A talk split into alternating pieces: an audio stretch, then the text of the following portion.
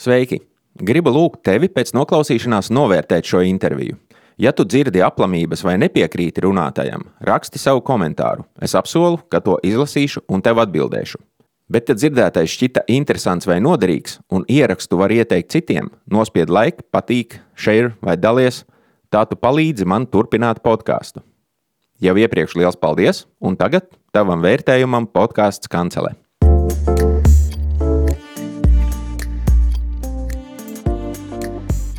Mans vārds ir Juris Garjāns, un jūs klausāties skeptisko podkāstu Kancele. Par to, kas man šķiet runāšanas un klausīšanās vērts.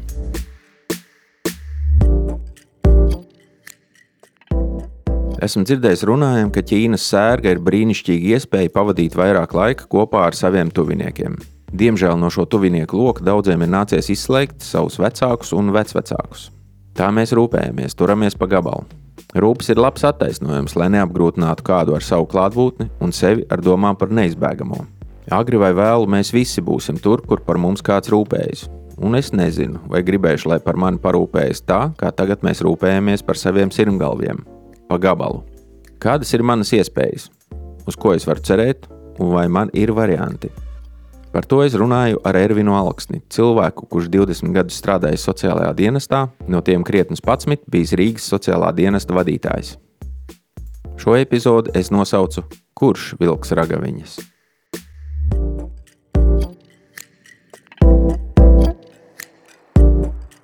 Pie manis ciemos ir Ervins Alksnis. Sveiks, Ervin! Sveiki!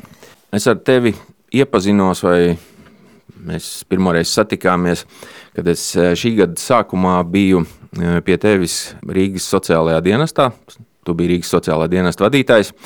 Mēs rakstījām vienu interviju podkāstām pirms darba. Intervijā mēs runājām par sociālajiem darbiniekiem, par to profesiju, kas ir sociālajie nu, sociālajiem darbiniekiem un sociālajiem aprūpētājiem. Jā, jā, jā. Un, un, par aprūpētājiem un, un visu, ko daudz, visu, ko daudz runājām. Un man iekrita prātā, un, un es ilgu laiku domāju par vienu frāzi vai vienu domu, ko tu toreiz izteici. Tas ir tas, kāpēc es esmu tevi uzlūdzis pie sevis ciemos un, un ievilinājis tevi šajās lamatās. Tā frāze, tā frāze bija kaut kas tāds, es varbūt citēšu neprecīzi, bet apmēram tā. Veselam, stipram cilvēkam, spēka gados, nav jāziedo sevi vai savs laiks, vai savi nezinu, labākie gadi, vai jebkādi gadi, lai pamestu darbu, atstātu novārtā karjeru vai, vai nezinu, dzīvot piln, pilnasinīgu dzīvi un koptu vecus, iespējams, slimus cilvēkus. Nu, nu, tas vairāk savus. bija par radiem domāts. Jā, protams, nu, par, mamām, par radiem, protams, jā, par, sa, māsām, par saviem radiem. Jā, par saviem jā, radiem. Jā, tas ir, protams, ģimenes ietvaros. Amats šis ir cienījams, bet. Tie, tieši tā, un, un tas pirmais jautājums, vai tu, vai tu tā biji domājis, un vai tu turies pie šīs pārliecības protams. kopumā? Protams, es tā arī biju domājis, un, un, un vēl aizvien pie tā arī turos. Jo, es pat īsti nezinu, ko tur komentēt. Man tas liekas pašsaprotami. Nu, tas ir mūsu, mūsu laikos, tas ir ļoti, ļoti, ļoti pašsaprotami un nepieciešami. Cits, cits jautājums varbūt, ja par ko var diskutēt, kā to izdarīt, ja šī nelaime ir notikusi. Jo, nu, vecums jau gan nav nelaime, mēs visi paliekam veci, arī tie, kas ir spēka gados. Un, Un mēs tajā laikā par to nedomājam un, un, un, un, un, un domājam, maģiski ceram, ka mēs dzīvosim saules mūžu un vienmēr būsim jauni, stalti. Fiskultūras zāles mums palīdzēs. Labi, palīdzēs desmit gadus ilgāk pastaigāt bez kruķa, bet nu, jebkurā gadījumā nu, tas pienāks. Nu, um, Un tāpēc man tas, es, man liekas, šī frāze ir pilnīgi pašsaprotama. Varbūt, protams, tagad, ja kāds klausītājs sadalīsies kā minimums divās nometnēs un pateiks, viņš ir pilnīgi sauns un kā tā drīkst, un latviešu dzīves ziņa un tradīcija, un, un tagad, ko viņš man aicina aizvilkt mammu ragaviņām uz mežu, otrs teiks, ok, jā, viss ir skaidrs un pareizi, un nevienu neaicina vest uz ragaviņām uz mežu, bet, bet jā, es uzsveru vēl vienreiz ziedot sevi un pamest visu dēļ saviem radiem, nu, paņemsim to plašāk, par radiem, jo tikpat labi tas var notikt ar bērniem. Tas ar maniem, bet nedod Dievs ar bērniem. Ja. Tas viss var notikt ar mani pašu, un tas var notikt arī ar maniem vecākiem, ja. nu, ar brāļiem, māsām. Un, jā, un, lai cik tas emocionāli noteikti ir grūti, bet praktiski ir jāatrod veids, kā šo cilvēkam atbalstīt, palīdzēt, bet neziedojot sevi. Jā, vispirms varbūt, ka Es mēģināšu noturēt to sarunu tajās robežās, kas nav nelaimes gadījums, un sevišķi par bērniem, bet par, par saviem vecajiem, par saviem simtgalviem, vecākiem, vecvecākiem, jo tā ir neizbēgama lieta. Ja, par, par visām pārējām, viss, kas dzīvē cilvēkam var notikt, visādas nelaimes, un kā viņš tur ar to tiek galā, vai viņš tam ir gatavs, tas ir savādāk. Bet tam, ka tavi vecāki kļūs vecāki un uh, iespējams, ļoti iespējams, ka par tiem būs jārūpējas. To tu zini jau sen. Visticamāk. Un es, mēs, es gribēju parunāt nedaudz par šo. Un, uh, ļoti labi, ka tu jau piesauci šo te avotu. Es gribu nolasīt par latviešu tautas pasakas pagrabā paslēptais tēvs pirmo daļu. Oh. Atgādināsim ja, par stāstu par ragaviņām. Uh, Vecos laikos reiz bija kādā zemē tāda ieraša. Vecus ļaudis, kas vairs nespēja pelnīt maizi, tur sita nost kā vecus zirgus vai aizveda mežā un nosvieda kā maitas. Viņos laikos dzīvoja tādā zemē vecs vīriņš, vīram bija dēls un dēlam atkal dēls. Veča dēls jau sāk vērot, ka tēvs vairs nav pilns darba strādnieks, ka tam jau laiks atstāt šo pasauli. Tā vērojams, dēls ņēma dēliņu ragaviņas, uzsēdināja tur savu veco tēvu un vilku uz mežu dēla dēliņš tecēja savām ragaviņām pakaļ. Aizvilka dēls tēvu mežā, apgāza ragaviņas un sacīja: Lai nu guļ šeit ar visām ragaviņām. Bet dēliņš, mundrs zēns, teica: Nē, tēt, savas ragaviņas es šeit neatstāšu. Kam tad tev vajag nieka ragaviņu?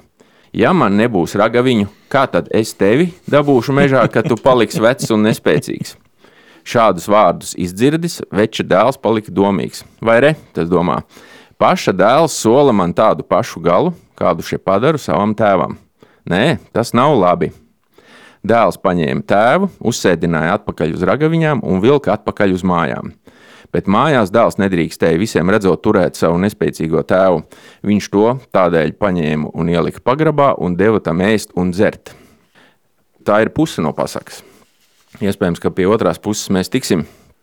Tātad šī latviešu pieminētā dzīves ziņa, es domāju, ka tas nav tikai latviešiem raksturīgs. Ir, eh, ir stāsts par, par tradīciju, par priekšstatu, par, eh, par to, ka mēs šo eh, nevešanu ragaviņās uz mežu, bet kaut kādā citā mm, veidā tikšanu galā ar saviem vecajiem, skatāmies caur to paudžu pārmantojamību caur bērniem, novecošanu, neizbēgamu ciklu, par uh, sevis to saka, apzināšanos, ka, ka tu arī būsi vecs un kas ar tevi notiks, un, un, un domāšanu par šo visu. Un, un uh, šobrīd mēs esam, varbūt dzīvojam tādā pasaulē, kur cilvēki strādā nu, līdz nezinu, 65 gadiem vismaz, un, un, un ja ne ilgāk. Bet nu, tā vai savādāk, ap 75 viņam visticamāk ir par viņu ir kādam jāsāk rūpēties. Ja? Un tad, tad ir kaut kāda šī situācija, eh, ko tur darīt. Tā, tā izšķiršanās eh, ragaviņas vai, vai neragaviņas pagrabā vai kādā nezinu, svešā pagrabā. Un, un tur ir varbūt divas lietas, div, divas tēmas, ko mēs nevis gribam sadalīt savus klausītājus, bet pa abām es gribēju parunāt pa abiem aspektiem tam tai tēmai. Tātad viena ir tas, ko es nosaucu par tradicionālo, tas ir šīs morālās kategorijas, kultūra, nezinu, tradīcijas, vērtības cilvēku, un otra ir tā racionālā puse, tas ir nauda valsts un, un, un kaut kādas sistēmas iespēja parūpēties. Ja? Vislabprātāk, ja mēs varētu sarunāt tā, ka es to sarunu sākšu ar to pirmo par tradicionālo skatījumu uz šo jautājumu cilvēks saka, kļūst pieaudzis, tas nozīmē, es esmu atbildīgs par kaut ko, sāc par kaut ko rūpēties, es spējīgs no kaut kā atteikties. Šobrīd mēs dzīvojam pārsvarā vienlaicīgi ir dzīves nu, kaut kādas trīs paudzes. Bērni augot skatās, kā viņa vecāki sadzīvo un kā viņi izturās pret saviem vecākiem, līdz ar to iemācās, saprot šo ragaviņu metaforu, varbūt saprot, varbūt vienkārši redz un zina. Tas, ko viņi redz bērnībā, tā viņi arī domā par to tālāko. Tā varbūt tev ir kāds eh, komentārs jau šajā vietā par šo stāstīto. Vai, vai tu esi domājis par to tādā aspektā? Nu, laikam jāsaka, ir kaut kāda zināmā mērā katram mums arī uzliek, tradīcijām uzliekās pa virsmu, ja papildinās tā saucamo žargonā runājot profesionālo kretīnismu. Jā, protams, es 17 gadus esmu sociālajā jomā un pieļauju, ka mans skats uz lietām ir tāds drusku arī skaitā, no pieredzes un profesijas un kaut kādām zināšanām, drusku varētu atšķirties no tradicionālām vērtībām. Bet, Bet uh, gribētu teikt, ka tas, ko es te sākumā postulēju, nekādā veidā neiet pretrunā ar manas prātu, manā izpratnē, neiet pretrunā ar vērtībām, jo redzēju, tad, kad es saku, ka nevajag ziedoties, es nesaku, ka nevajag rūpēties. Tas nav viens un tas pats. Tie ir divi, divas atsevišķas lietas. Ko es saprotu ar ziedošanos? Ziedoties tas ir nu, nolikt savas intereses, savu es, nolikt malā un sākt kalpot, un ne tajā labākajā vārda nozīmē, kalpot citam. Ja? Agrāk to sauca par vergiem, tagad nu, nezinu, bija pa vidu dzimcilvēki. Ja, nu, tā drusku nu, vergs un pas... cilvēks tās nav jā, jā, brīvprātīgas bet, kategorijas. Jā, jā, tas, bet kā... arī ir, tas ir ļoti dziļš jautājums, kāpēc es to daru. Ja? Kas ir tas, kas man liek pamest karjeru un sēdēt pie savas mammas gultas, kura ir nu, no vecuma paralizēta. Latviešu pasakā bija rakstīts tāpēc, ka tu zini, ka tu gribētu, tajā... lai pie tevis kāds pasēž, tad, kad tu būsi tajā vietā. Jā, bet tikpat labi tur mēs varam mūsdienu terminoloģijā ieraudzīt, ka tur sākās pirmā latviešu pensija. kas jebkuram mums pienākās. Mēs taču tomēr dzīvojam citā iekārtā. Mm -hmm. Jā, nekā tajā laikā. Lai cik nežēlīgi tas izklausījās, bet es pieļauju, ka tajā laikā tā bija vesela dzīves ziņa un jaut, izdzīvošanas jautājums. Tā bija tā tradīcija, par kuru neviens īpaši neuztraucās. Ja, tagad tas mūsdienu acīm tas izklausās briesmu, nu kā, nu kā tā var. Patiesībā ļoti labi var, ja, jo daudz vecu cilvēku ir pamesti savu bērnu pamesti. Mēs varam, protams, moralizēt, un spriedelēt un tiesāt, cik labi vecāki viņi ir bijuši. Ja? Manā praksē ir nākuši bērni un teikuši savā laikā. Es nemaksāšu par viņa pansionātu, viņš par mani nav rūpējies. Ja? Nu, nu, tas arī ir. Nu, arī šobrīd tas ragaviņas ir kļuvušas savādākas, ja mēs paliekam pie tā. Ja? Uh, Es, mēs ļoti daudz vecu cilvēku ir vientuļi. Protams, ir tādi, kuri ir vientuļi, tāpēc, ka ir vientuļi, bet, protams, ir arī tādi, kuri ir vienkārši ērti aizmirsti. Ja, jeb, jeb kaut kādā citā veidā nu, pateikti, ka nav vajadzīgi. Tas ir ļoti, ļoti dziļš jautājums. Tā kā ragaviņas pastāv. Tāpēc Un, un es vairāk gribētu runāt par rūpēm, tādām modernām, manuprāt, laikmetīgām, atbilstošām 21. gadsimtam rūpēm, ja, kas nekādā veidā nav saistāmas ar ragaviņām. Es saprotu, ka, ka runāt par to racionālo tā jautājuma pusi par upēm, kuras uh, ir, ir kaut kādas nu, nepārāk apgrūtinošas un iekļaujas kaut kādos uh, aprēķināmos rāmjos. Var. Uh, bet varbūt tas jautājums nedaudz atpakaļ pie tā tradicionālā. Cik tu esi drošs pats personīgi, piemēram, par savām ragaviņām?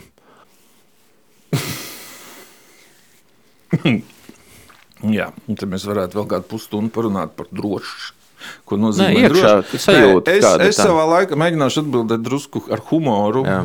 Savā laikā, kad es uh, vēl strādāju, nu, principā, uh, vēl aizvien, nu, jā, kad es biju sociālajā dienestā un strādāju sociālajā dienestā, es bieži vien teicu tādu frāzi, man ir 20 gadi, lai uzbūvētu tādu pansionātu, kurā es gribētu pats dzīvot. Ja? Šeit ir tā lieta, ka tā, tā Ar ko es ar to biju domājis? Nu, ideālā variantā man ir savs dzīves uh, lieliskākais brīdis, kas, kas ir ļoti brīvs no visa kā, kuru es varu veltīt tikai sev. Jo, ja mēs tā normāli skatāmies, kaut kā tu esi sevi piepildījis savu darba dzīvi, nu, tu esi kaut ko sasniedzis, nu, tas atkal ir nu, katram mums savs mērauklis. Tev bērni pēc idejas ir pieauguši Tas nākošais mazbērni Tas viss ir atkarīgs no tevis. Ja? Vai es gribu kompensēt savu neizdarību pret saviem bērniem un izpirkt vainu caur saviem mazbērniem, vai es gribu dzīvot sev. Nu, es domāju, tā ir atkal atsevišķa psiholoģijas, psihoterapeita, nezinu, psihiatru, kāda tur vēl tēma. Ja? Tas ir viss pašam savam. Nu, ideālā gadījumā ir jābūt tā, lai es pats būtu spējis sevi sarūpēt to finansiālo spilvenu. Jā, nekur mēs bez finansēm netiksim. Eh, lai es neapgrūtinātu savus bērnus. Vai arī apgrūtināt nu, minimāli. Ja? Es, protams, gribētu viņus satikt. Nu, ar ko es domāju, ir minimāli. Es gribētu ar viņiem parunāt, es gribētu zināt, kā viņiem klājās. Pēc tam mūsdienu laikā, kas, protams, ir pretīgi, to var izdarīt nu, ar vienas pogas nospiešanu. Ja? Nu, nav, tas ļoti pietrūks dažreiz tāda cilvēciskā kontakta. Ja? Tā es domāju, lai viņi mani neaizmirst. Nu, tas ir tas, ko es varu ieguldīt savos bērnos. Nu, to jau dzīve rādīs, sanāca, nesanāca. Vai ar vienu sanāca, vai ar visiem sanāca. Bet, bet tev nebūtu iebildumi, ja es um, pieķertos pie tavas idejas par ideālo pansionātu. Tu būvēji viņu vairāk nekā tikai sev, bet kad cilvēks grib uzbūvēt savu ideālo pansionātu sev vienam pašam vai, vai sev privāti, ir, ir pavisam ok, ja, ka viņš dzīvojot no kaut kādas atbildīgas sava vecuma posma, un tad, kad viņš ir paskatījies, kā aug viņa bērni un, un redz, redz, kā noveco viņa vecāki, ka viņš sāk domāt par to, kādu nu, pansionātu viņš sev šajā brīdī nu, būvē labi, personīgo. Nu, pansionāts tā arī šī gadījumā vairāk tāda nu, tēlēna alegorija nekā konkrēta vieta, kas Protams. saucās sociāla sociālās aprūpes centrs. Jā, ja? jā. Pansionāts īstenībā, ja mēs ieliekam viņā jēgu, var būt jebkur. Ja? Jā. Tā pavisam drastiski sakot, vat, ko es negribu piedzīvot. Ja? Es negribu piedzīvot, lai mani bērni man maina pamperi. Nu, Tādā ziņā saudzējot tos bērnus? Uh, nē, es, es domāju, es esmu ļoti egoistisks. Pēc būtībā es esmu ļoti egoistisks. Tu negribi Saudzē, izskatīties negribu, vājš viņu priekšā, nu, tādā ziņā vairāk? Nu, to, lai ar mans psihoanalītiķis ar šito nodarbojās, ko es gribu, ko es negribu, bet tas iet kopā ar to ziedošanos un rūpēm. Ja? Nu, nav viņiem, nu, ne, ok, ja mans bērns izvēlēsies aprūpētāja profesiju, un strādās par sociālo aprūpētāju vai aprūpētāju, es arī negribētu, lai viņš to dara man. Tam ir, ir jābūt robežām, ir jābūt, nu, viņam nav jānāk mājās un jāturpina darbs, un jāsāk jauns darbs.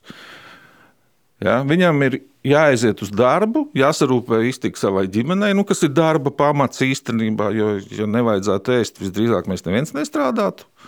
Ja, un, un, un es negribētu, lai mani bērni, ja maniem mazbērniem būtu pienākums apkopt manu ķermeni. Ja? Protams, Bet... mans prāts var nonākt tādā situācijā, ka es neko vairs nespēju ietekmēt, mm ja? un tā ir viņu izvēle. Bet es jebkurā gadījumā negribētu to piedzīvot. Jo viņiem ir jādzīvo sava dzīve. Es esmu, nu, mana dzīve ir beigusies. Nu, kā, nu, ne beigusies tik, tik fatāli, ne, bet viņi ir nonākuši tajā dzīves posmā, kurā mēs visi loģiski nonāksim. Uh, tu, vai tu saskatīji kaut kā, ka tās nav mm, apvienojamas lietas, ka tu cilvēks godīgi strādā un sapelni sev naudu un, un zini, ka tu vari atļauties, ka kāds, kāds samaksāt kādam citam? Jā, protams, bet, protams. Bet, bet pie vienā te, tu laimīgs jūties tieši tāpēc, ka tu zini, ka tu kad, kad tavi bērni ir redzējuši, kā tu to dari, un viņi ir gatavi to izdarīt ar tevi. Vai tur ir kaut kāda pretruna? Es varbūt līdz galam to tā, otro domu nesapratu, jo par to pirmo tas, tas ir tieši tas, es, mm. ko es teicu. Ja, rūpes, ja es varu noalgot, un mans pienākums ir nopelnīt tik daudz. Mm -hmm ja tas pats vecais nav nopelnījis ar jā. savu pensiju, lai viņš jā. to var atļauties, tad mans pienākums ir nopelnīt tik daudz, lai es varu atļauties sev un, un palīdzēt viņam algot, nodroš, nu, nodrošināt, nu, nu, nu, sniegt to atbalstu, kas viņam ir. Bet tas nedarīt pašam. Mm. Labi, tur, bet tur tā atšķirība ir tāda varbūt jau drusku tehniska. Ja? Tieši pašam personīgi ar savām rokām tieši mainīt pamperi vai nē, varbūt tā ir tā robeža kurā, kurā parādās visādi cita nozīme, bet, bet tas, ka tu ar savu piemēru nākamajai paudzei rādi to, ka tu velti savu dzīvi, jo tu tagad speciāli strādā ar nodomu, strādā vairāk, lai varētu sapelnīt vairāk, ko tu notērēsi uz absolūti neracionālā, ne, neracionālām iemeslam. Vienkārši, lai, lai kāds cilvēks, kuru vajadzēja aizvest uz mežu un, un izgāzt no ragaviņām, lai viņš neskapēc jūtās labi. Cik tas ir svarīgi, ka, ka cilvēks uh, vispār domā šajās kategorijās? Pat ja viņš vēl nav izlēmis, viņš tagad vēl nevienam nav nekāda pamperi jāmaina, bet viņš zina, ka tas būs jādara. Viņš eh, ar nodomu strādā vairāk, krāj naudu, lai varētu algot kādu, kas to darīs. Jā, kaut ko tu man teici, ka tu man esi iedziņš stūrī. bet, nu labi, ok. Um, es, Izmantosim seno vecos ierēģiņu trikus. Jā, labi. Vai es tevi pareizi sapratu? No. Mēs turpinām sarunu. Tu turpini klausīties skeptisko podkāstu Kancele. Es domāju, no kurienes ir šī doma, ka tev vajag tomēr to sapelnīto naudu un pašam algot, eh, nevis eh, paļauties uz kaut kādu ārpuses sistēmu. Tā ir atbildība pašam pret sevi. Ja? Nu, bet paskatāmies, to nevar, tad, nu, manuprāt, to nevar atraut no dzīves cikla vispār, manas dzīves cikla. Ja? Bija laiks, kad man mainīja jau pamperi. Nu, labi, manā laikā nebija pamperis, bet nu, ok. Ja. Un šobrīd meitai arī, nu, ko es daru, es mainu pamperus. Ja. Īstenībā ar ko sākām, ar to beidzam. Mm -hmm. nu, ja tā atkal Jā. skatāmies. Jā. Pa vidu man ir pie, nu, pienāk tas, tad, tad par mani rūpējās, un tad pienāk tas mirklis, kad par mani, man ir jārūpējās, un tad atkal pienāk mirklis, kad par mani rūpējās nu, lielos blokos. Un par to virkni laiku, kamēr es par kādu rūpējos, man ir vesela jūra pienākumu. Atbildīgi. Izaudzināt bērnus, nu, ja ir. Ja, tas ir mm pasargi, ja kāds ir izvēlējies dzīvot bez bērniem, ok, visu cieņu. Tad viņam ir savs iemesls emocionāls, fizisks, nu, labi, nav svarīgi. Ja? Bet, ja mēs skatāmies uz tādu nu, pierasto modeli, ja, tad es esmu bērns, es esmu pieaudzis, es esmu vecs nu, vecumā. Tad, tad katram šim vecuma posmam sadaļai ir savu pienākumu. Bērnam augt, pieaugušajam rūpēties, būt atbildīgam, nest labumu, vecumā baudīt labumu. Nu, ja tā kā es pieņemsim, pieļauju, ja? Pie, iedomājos. Ir pa vidu es esmu izaudzinājis bērnus, investējis viņos. Atkal, jā, nevienmēr ir nauda, tas ir emocijas, tas ir attiecības, tas ir kaut kas, nezinu, padoms. Ja, ja izdodas, ok, esmu atradis līdzekļus, lai viņš mācītos ārzemēs, nevis Latvijas pīļu dīķī. Ja? Es nebaidos no tā, ko tur saka, nu, tur atbrauks kaut kāds ne tāds, kāds atbrauks, tāds atbrauks, stulbāks nevar brauks. Uh, un tad pienāk tas mirklis, kad tā arī ir mana pensija, nu, kad viņš kaut ko dos man atpakaļ. Ja? Un, bet tas nevis to, ka viņš man sēdēs blakus. Bet to, ka man bija kādreiz, kad man piedzima pirmais puika, man bija tāda galīga nu, fantāzija, ka viņš būs izcils hokejs, spēlējis Kanādā, viņš būs miljonārs un es dzīvošu Floridā. Laba fantāzija. Pagaidām nu, šī nav tā. Viņš ir pietiekoši liels, lai vairs, viņš nevar vairs kļūt par labu hokeistu. Jā, jā. Ja? Bet tā ir tā lieta. Ja? Un tur, un tas nenozīmē, ka viņš man sēdēs blakus, bet viņš man iedos apstākļus. Viņš man samaksās pensiju, par to, ko es esmu ieguldījis viņā, jo es esmu guldījis viņā, lai viņš kļūtu par labu hokeju. Nu, tas ir vienalga par ko. Tas, tas tieši tā bija reāla fantāzija. Mm.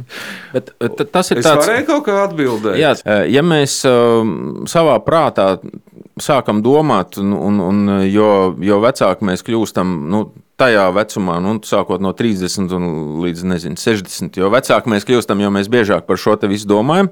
Visticamāk, tas, kā mēs par to domājam, vienalga ir eh, tikai nedaudz atšķirīgs veids par to pašu stāstu par ragaviņām.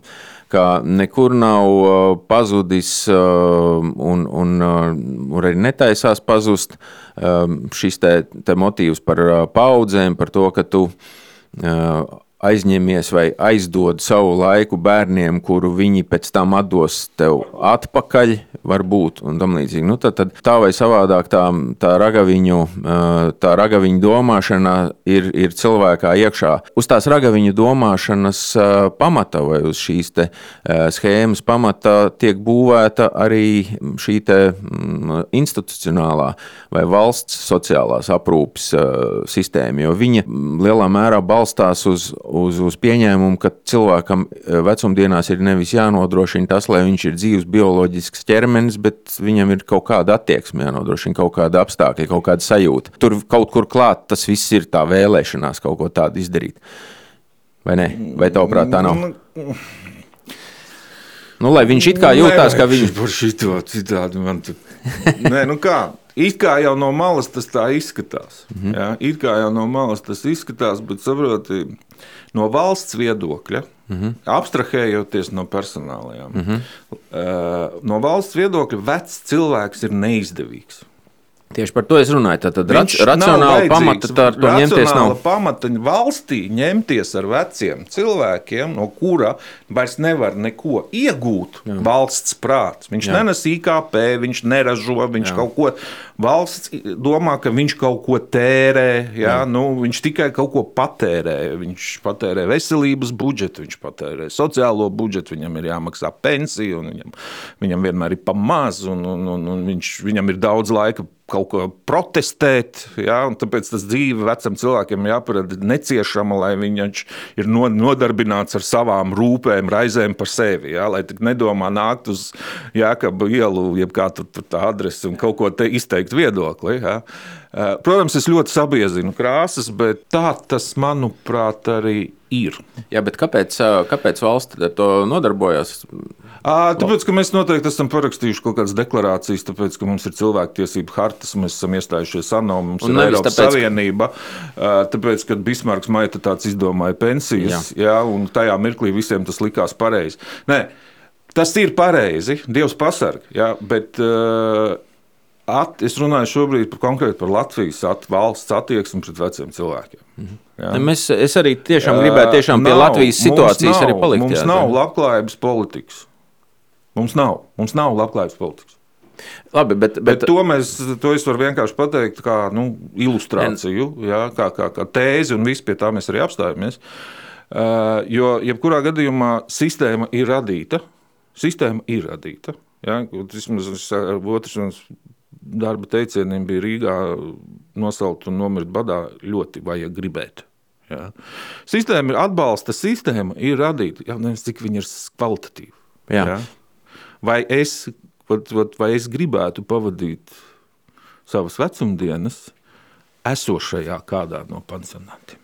Pie tā mēs uh, nokļūsim, bet vēlreiz, vai, vai tu piekrīti, ka tajā, ko mēs varētu uzskatīt par racionālu pieeju vecu cilvēku jautājumam, ka patiesībā tur nav nekā racionāla, tas vēl joprojām balstās uz šo priekšstatu, ka par viņiem kādam ir jārūpējas, un atšķirībā no rūpēm ģimenē, kur tas notiek viens pret vienu tieši es pret tieši tevi, valsts līmenī tas notiek tā, tā kā mēs visi kopā par viņiem visiem kopā. Nu, nedaudz savādāk sadalīts.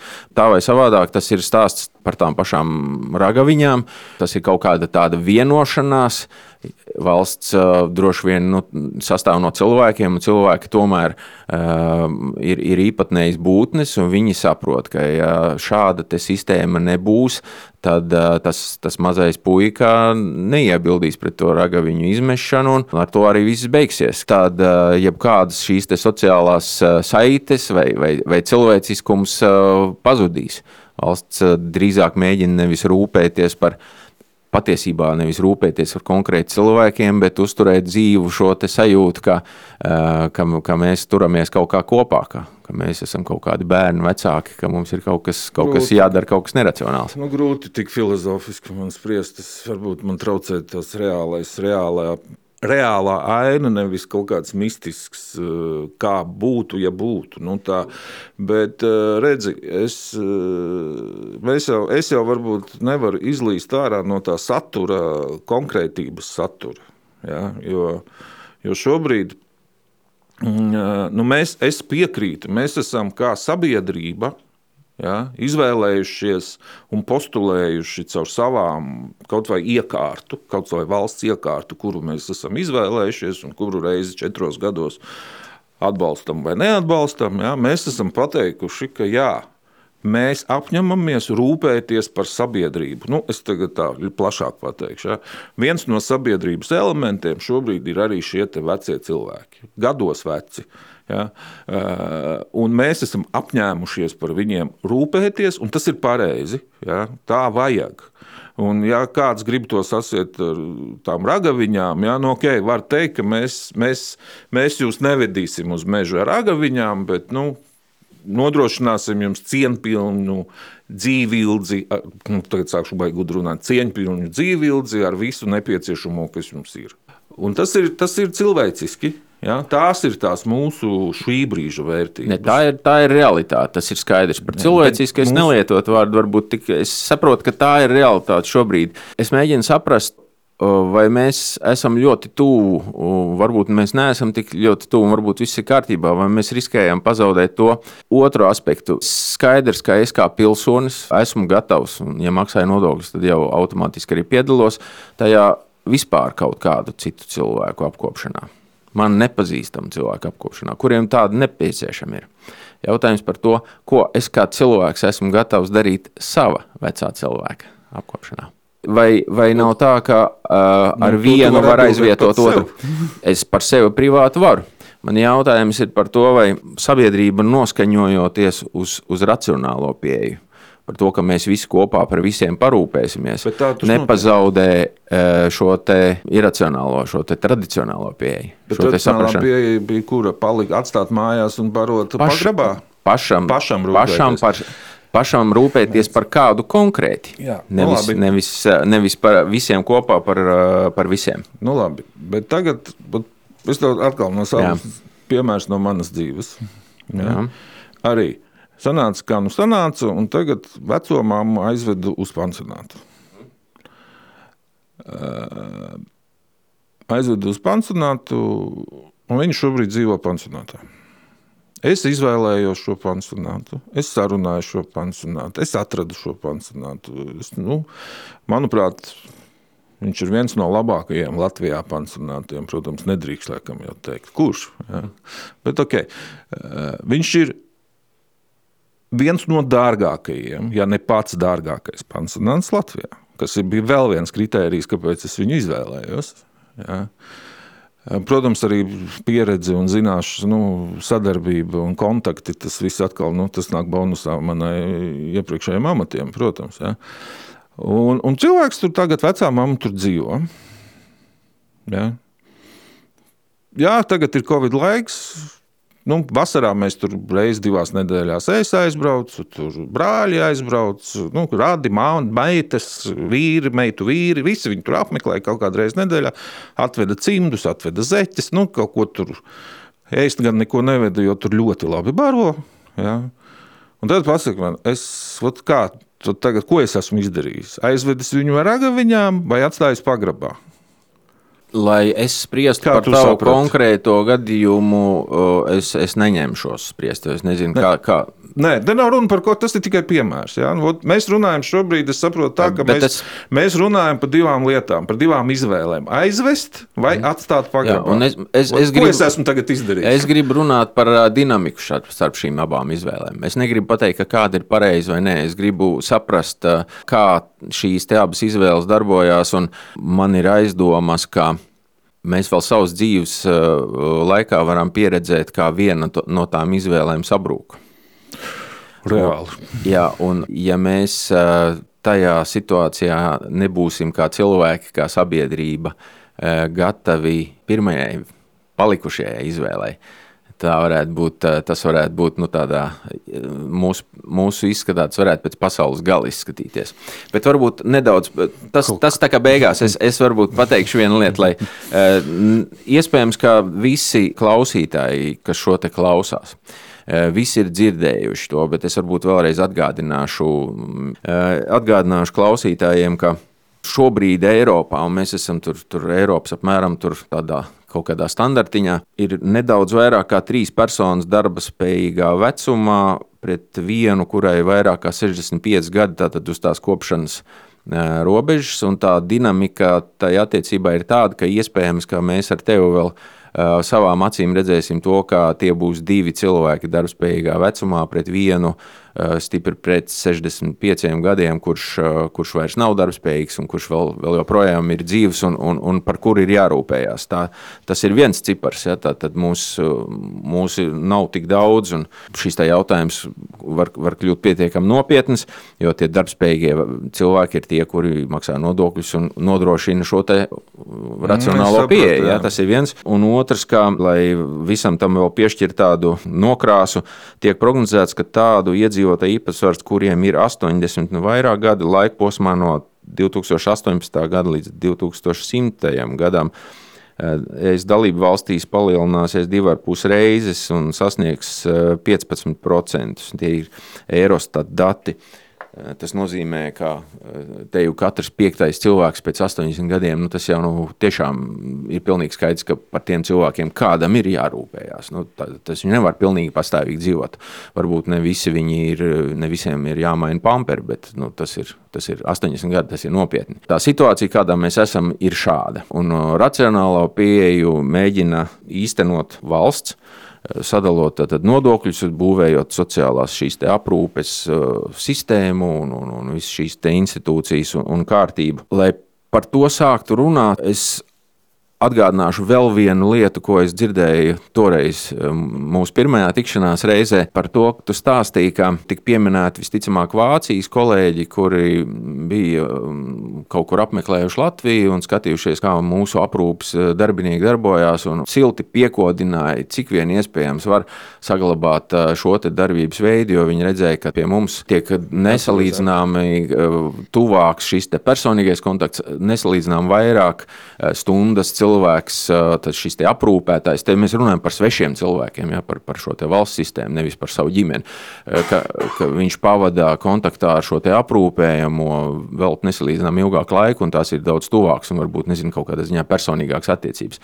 Tas ir šis stāsts par to, kā tu redzi to sistēmu, cik tur ir būtiski, lai viņi būtu cienījami un lai viņi sasniegtu to mērķi, ko mēs varbūt visi esam iztēlojušies savos, uh, savos nezinu, sapņos, arī attiecībā uz sevi, ja mēs nokļūtu tādā situācijā, cik būtiski ir eh, šis te, eh, dzīvā cilvēka klātbūtnes efekts un kas ar to notiek Latvijā un kādas tur ir varbūt nezinu, tendences rietumos. Varbūt pastāst šo kontekstu, gribētu nu, dzirdēt. Jā, šis vēl ir tas, kas, kas, kas Latvijā Nu, vien, laikam, arī, nu, šī arī nāk laikam, no tradīcijas, ja tā varētu teikt. Bet šis ir ļoti būtisks lieta, ko tu šobrīd aizskāri. Statistika ir nepielūdzama. Un, un es varu atgādināt, es nezinu, neatceros, vai tas tika šī rūpība. Tika atskaņota mūsu pirmajā sarunā publiski, jā, bet es ļoti labi atceros, un tas, ko, kas man uzvirdīja, tas šis stāsts, ka visdrīzāk, visdrīzāk man jau šodien, nu visiem mums, arī tiem, kam ir šobrīd 30. Viņiem pat man tā liekas vēl vairāk nekā mums. Nu, es pieņemšu, kam ir pie 50. Ja? Vēl daudz rūpīgāk jāsāk domāt, kā viņi konkurēs par savu pakaļas tīrību. Jo konkurence būs nežēlīga, ja mēs runājam tādos ekonomiskos termiņos, e, ekonomikas termiņos. Nu, var sakot, tā tendence ir tāda, ka, to, ka tā kā bija līdz šim, es domāju, nebūs, tas jā, būs tikai... nemainīsies kaut kas demografiskā situācijā ilgtermiņā un ļoti ātri, jā, tad es domāju, ka pēc gadiem, nu, nevajag tur 2010, tad, kurš tur 2010. Līdz simtajam, simtajam, jā, jā. Realitāte jau ir šobrīd, realitāte Latvijā šobrīd jau ir tāda, ka šo aprūpes līmeni nodrošināt kvalitatīvi dēļ darba spēka ir ļoti, ļoti, ļoti grūti. Bet kaut kādu ja. abstraktu līmeni vai tieši šo klātbūtni, tīri kaut kādas stundu ziņā? Es neesmu dzirdējis, ka būtu pamperu maināmais automāts. Ja? Nu, tu spēj iztēloties, mm -hmm. nu, mhm. iztēloties pansionātu, mm -hmm. uh, gultiņas, gultiņas, gultiņas, un pēkšņi gultiņas sāk kustēties, un tu brauc tā kā pa jā, konvejeru, jā. iebrauc. Jā. Pam, tas, pam, nu, tas, tu, tas noteikti nav tas, ko racionāli. Kādreiz tas būs. Jā. Ja? Varbūt, es, bet es tādu, jā, ir kaut kādas automātiskās gultas, jā, tagad ir kaut kādi asistenti, automātiskie, nu, robotizēti asistenti, kas tev atgādina iedzert zāles, tur vēl kaut ko, vēl kaut ko. Varbūt, nu, varbūt, varbūt, iespējams, ka kāds kaut kur par to domā, bet es par to nezinu. Jo šobrīd tas tā kā medicīnā ļoti daudz arī no dzīves kvalitātes ir ļoti svarīga klātbūtne, esība. Ja, bet, bet, bet kādi ir tie apmēram tie, lai priekšstats būtu tu kā profesionāls varētu nu, kaut kādus nezinu, eh, skaidrus vai kaut kādas kategorijas eh, stundas. Nu, cik, cik eh, toreiz man parāda, tu minēji kaut kādus Vācijas standartus. Ne, nu, Vācijā, kur tā laime, vai, gan laime, gan nelaime, Vācijā atgādinot, ir tas, ka viņiem viss ir sarakstīts pa minūtēm. Ja? ja tev ir minūte 15 sekundes injekcijai, tad tev ir minūte 15 injekcijai. Te, šajā, te, jo tur ir cita pavisam arī apmaksas sistēma. Tur, tur tas arī tas, tas, tas izējas punkts, ir, sākuma punkts ir cits. To vajag arī, nu, nevar tā vienkārši pateikt, ka viņi ir slikti, mēs esam labāki. Tā, tā nav. Mums tādu, nu, tāda reglamenta nav. Kaut gan nu, mēs arī cenšamies kaut kā klasificēt darbus, tos nepieciešamos. Ja? Un, un, un ielikt viņus kaut kādās izmērāmās vienībās, Kāpēc? Tāpēc, ka viņi nu, par darbu ir jāmaksā. Ja par manipulācijām tas varbūt būtu cits saruna, bet vai šo te, sauksim, aprūpētāju vai, vai vispār sociālā darbinieka nu, okay, ir kaut kādi sociālai darbinieki, kuru pienākumos tā ir, bet vai aprūpētāji pienākumos ietilpst parunāties ar cilvēku? Nē, nekur. Oficiāli nē. Nekur. Nemaz. Uh, šobrīd Latvijas, un es vispār nezinu, kuri tāda ir, kur oficiāli, kur uh, pakalpojums vientulības kliedēšanai nav šobrīd definēts un formulēts un piešķirts. Jā. Un, un situācija ir tāda, ka Latvijā, tāpēc, ka ir kaut kādas tradīcijas, ir kaut kādi cilvēki, kuri ir tā, kā, tā audzināti, viņi vienkārši velta savu, tas viņi pēc savas iniciatīvas, viņi parunājās ar viņiem vairāk, ir es klāt domāju, vairāk. Ka, ka atkal tas ir nu, viens no, viens no, jā. Jo redzi, starp aprūpējamo un aprūpētāju laika gaitā izveidojās ļoti tuvas attiecības. Ļoti. Jo tu šim cilvēkam uztici savu ķermeni, savu dzīvi, savu sevi. Ja? Un savā ziņā tu esi no viņa ļoti, ļoti atkarīgs, daudz atkarīgāks nekā no saviem asins radiniekiem, kuri kaut kur ir vai nu, kaut kur viņu nav. Ja?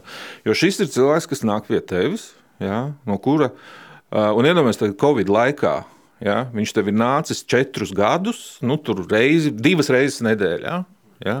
Protams, viņš ienāk, viņš ar tevi sasveicinās, kamēr viņš lauka grīdu, jūs varat kaut ko parunāt. Ja? Nu, nav jau tā. Un tas ir kaut kāds tavs kontakts. Un ļoti šaurs kontakts. Un pēkšņi šis tavs aprūpētājs, nedod Dievs, ir saslims. Viņš, viņš ir kontaktpersona un viņš ir izolēts. Viss. Un pie tevis vairs neviens nenāk nu, traki. Ja pat nāk svešs cilvēks. Ja? Nu, un ar vecumu mums tās ļoti svarīgas ir tie paterni, kas nemainās. Mēs jaunībā esam elastīgi. Ē, šodien Grieķija, rīt Amerika, cik te man bērnu, draugu bērni nav izbraukājuši, visas valstis pastrādā pusgadu tur. Beigās pēc 30 sāk kaut kā nosēsties. Ja? Vecumā tas ir vēl vairāk. Tev ir ļoti svarīga, nu, manuprāt, ir ļoti svarīga tā kārtība, kas maksimāli nemainās. Ja tev ir viena seja, tad tev ir viena seja. Un, un, un tā ir traģēdija. Ja? Un tas, ir, tas mēs runājam par to aprūpas formu, kas ir manās mājās. Nu, kad pie manis kāds atnāk. Uh, un tas jau arī tāds jau, nu, nu, nu, tāds jau līmenis, uh, jo pirms tam vēl ir līmenis, kur es pats varu iziet ārā. Ja? Un tad ir atkal citas, nu, viņas nav īsti aprūpes formas, bet sabiedriskās formas. Ja? Īstenībā mēs ļoti dažreiz baigi ironizējam par pensijām sabiedriskajā transportā, bet paskatāmies uz to mazliet citādā skatu. Nevis to, ka viņi brauc ar sabiedrisko transportu pavelti, bet viņi socializējās, viņi komunicē. Tas ir tā, kā mēs sēžam bārā, dzeram alu. Šī vecumā cilvēki viens no veidiem, kā viņi nu, iegūst kaut kādus jaunumus, viņi sēž un runā sabiedrībā, braucot uz tirgu sabiedriskajā transportā, runājot ar pārdevējiem. Mēs vienmēr mākam kaut kā baigi fiksi visu nosodīt, bet nu, grūti paskatīties. Un tas ir tas, kas nu, palīdz noturēties un nenonākt tajā otrā, tā aprūpētāja plašā nozīmē atkarībā. Ja? Bet, protams, nu, ķermenis noveco. Uh, Bet, jā, jā, atgriežoties pie tā, tā diezgan provokatīvā stāsta, par ko daudz nerunā. Jā, jā pasaule noveco, baltā pasaule noveco, citu krāsu pasaule vairojās uz nebēdu. Mēs visi tagad šūmējamies par to bēgļiem, bēgļiem uh, Eiropā. Ja? Manuprāt, Vācijai bija ļoti labs mēģinājums risināt šo problēmu mērķiecīgi. Jā, varbūt viņiem nesanāca tā, kā viņi gribēja, tas rezultāts. Bet, manuprāt, mums ir ļoti nopietni jāsāk domāt par to pašu, kas Raivim Dzintaram, es tagad varu nosaukt, jā, jeb, un, un līdzīgajiem, jā, kas slaucīs viņu pakaļus. Es ļoti provokatīvi to saku, jā, bet ar pilnu atbildību. Viņi, man liekas, nu, viņi dzīvo kaut kādā, nu, kas ir ļoti svarīgi, tur, jā, dzīves ziņa, un, un, un, un es atceros šos jauniešus ar asiņai, nu, labi, asins izskata uzraksti, kur viņi ir palikuši. Nu, kur viņi ir? Nu, nav. Ja? Es nesaku, ka ir jāatver robeža un jāievada 5, 50 tūkstoši vai 100 tūkstoši bēgļu. Nē, ir konkrēti jāsāk domāt šim te pašam 35 vai 40 gadīgam, kurš mazgās viņam pakaļu, kad būs 80. Mēs turpinām sarunu. Tu turpini klausīties skeptisko podkāstu Kancele. Bet um, vēlreiz, lai saprastu situāciju, vai man ir tāda sajūta, nevis priekšstats, es neesmu to pētījis. Eh, bet man šķiet, ka it sevišķi Latvijā mums nav pārāk lielas izredzes sasniegt tādu labklājības eh, līmeni, lai, lai mūsu, pensija, mūsu pensijas gadi, par, man, par, par tevi un mani jau nemaz nerunājot, kur nu vēl par tiem, kuriem šobrīd ir 30, izskatītos tā, kā izskatās pensionāri vaska, vasarā staigājot pa Vīlānas ielu un fotografējot jūgenstilu mājas, visi laimīgi, visi veseli, baltās drēbītēs, bariņos staigā. Mēs Tā kā iztēlojamies, ka tā, tādi varētu arī latviešu pensionāri izskatīties pēc 10, 20 gadiem. Ceram uz to. Man ir sajūta, ka diez vai tas notiks. Humpalās ir smukas drēbes. Jā, humpalās ir smukas. Un, un es gribu saprast, cik, cik man šī sajūta ir pamatot. Es gribu tikt apmēram skaidrībā. Eh, lai man rodās eh, tāds, tāds kaut kāds figūras vai tēli nojausmā par to, kādas pūles un kādi resursi tiek veltīti, lai nodrošinātu nevis to, ka viņš var braukāt ar kruīzes kuģis smukās drēbēs, bet kaut vai to, lai viņam kāds nomaina to pamperu.